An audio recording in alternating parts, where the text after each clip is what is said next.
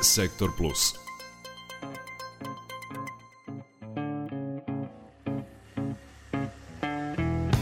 Slušate programu Dadoš Radio Novog Sada. Stručnjaci ocenjuju da obrazovanje u Finskoj na najbolji način može da odgovori današnjim izazovima.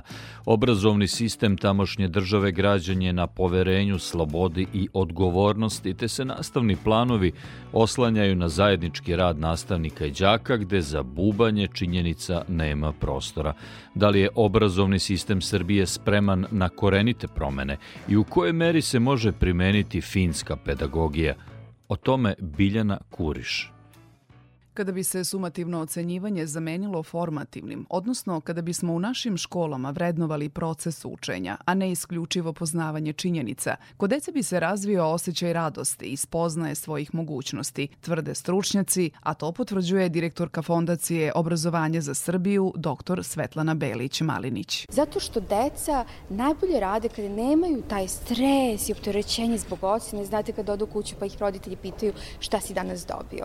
Finci su upravo to uspeli da izbaci iz svog sistema, da ne opterećuju decu ocenama, ali da ipak postoji sistem vrednovanja njihovog znanja. Prema brojnim merilima, Finci su najsrećniji narod na svetu, a pojedini stručnjaci to povezuju i sa obrazovanjem. Osnovni faktor za sreću je poverenje koje se gradi među decom, prema nastavnicima, roditeljima, ali pre svega poverenje u državni sistem. Koliko je srpski obrazovni sistem daleko od finskog, objašnjava profesorka Belić-Malinić. Pa mi zapravo nismo daleko od finskog obrazovanja i ima dosta poklapanja, na primjer i u Finskoj deca polazu školu sa 7 godina i u Finskoj nastavnici završavaju posebne fakultete, moraju da imaju master, uh, diplomu i tako dalje, ali ona razlika koja postoji zapravo jeste u načinu na koji oni biraju nastavnike.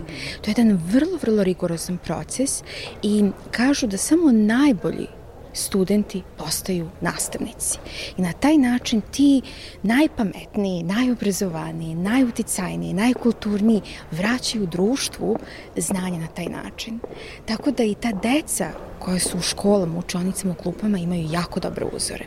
I mene recimo fascinira i to da u Finskoj uopšte nemaju inspekciju. Ne postoji vrednovanje, ocenjivanje nastavnika ili vrednovanje, ocenjivanje škole.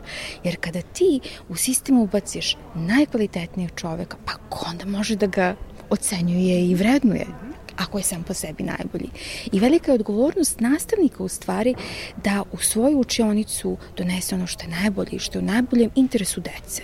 Tako da vi a, nemate tamo recimo jedan isti plan i, i, i program rada po nivoima i učionizma i tako dalje, nego nastavnik prilagođava to senzibilitetu, kapacitetu i mogućnostima grupe i svakog deteta pojedinačno. Jer nastavnik najbolje zna. Na, nastavnik najbolje zna, Znači, tako je.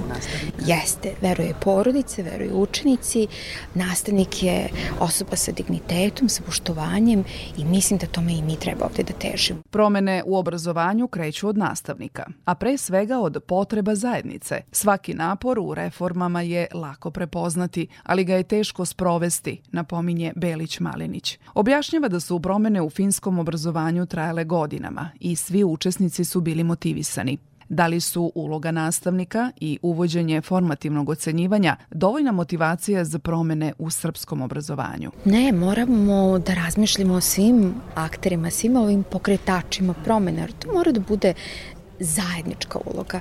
Mi recimo u Fondaciji obrazovanja za Srbiju e, negujemo koncept kolektivnog zajedništva, odnosno kolektivnog liderstva.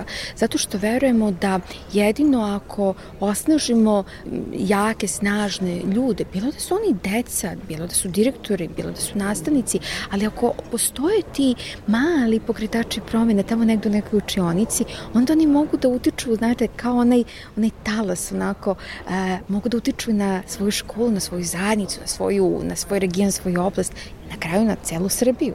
Tako da je vrlo bitno da ovi pokretači promena pokrenu promene tamo gde mogu učitelji, nastavnici, profesori svojih učionica, direktori svojih škola, predsednici opština, jel da, u svojim opštinama i tako dalje, ali bitno je da postoji ta zajedn, to zajedništvo koje je usmereno ka unapređenju obrazovanja. Da li možemo napred ukoliko ne verujemo u stručnost nastavnika i da li možemo da zamislimo školu bez inspekcija i administracije? Mislim da bi, hajde da kažem, to smanjivanje administracije i e, zahtevanje nastavnika da pišu pripreme, pišu izveštaje, pišu, ne znam, hiljadu jednu stvar koja je možda u ovom trenutku nepotrebna. Znate, kad vi imate nastavnika koji 20 godina prede u učionici, on zaista zna šta radi. On poznaje svoju materiju, poznaje decu, poznaje načine testiranja, poznaje jednostavno ambijent u kome radi.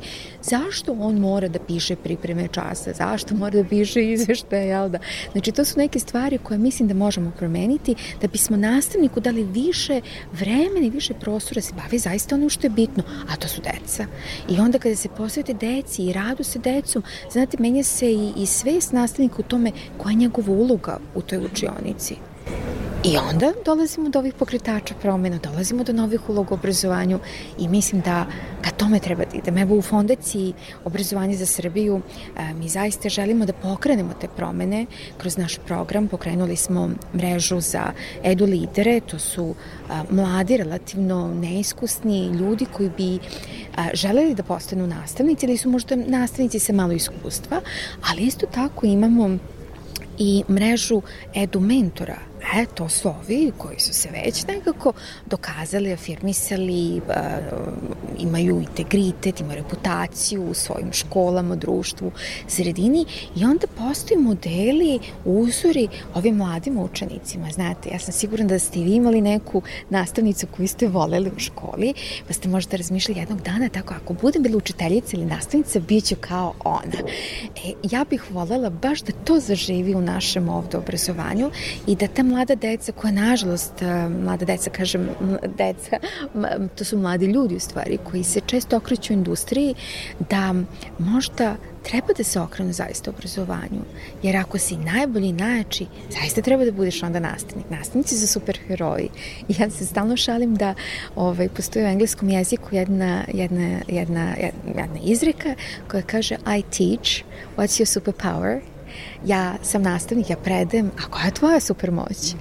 Tako da mislim da treba zaista ljudima dati tu supermoć, osnažiti ih i pomoći im da ponovo budu ljudi od poštovanja, digniteta, integriteta i da nekako promenimo tu paradigmu koja se nažalost nekako okrenula, tako da nastavnici u srpskom društvu imaju isto tako dobru reputaciju i poverenje koje imaju u finskom društvu. Da li je poverenje ključ sreće jedne zajednice i da li ga srpski nastavnici u školama imaju? Pitanje je pre svih promena u srpskom obrazovanju, jer su za pokretače promena viđeni svi u društvu, od nastavnika, učenika, roditelja do porodice i čitave zajednice, kaže direktorka Fondacije Obrazovanje za Srbiju Svetlana Belić-Malinić, organizatorka nedavno održane konferencije o finskom obrazovanju u Beogradu.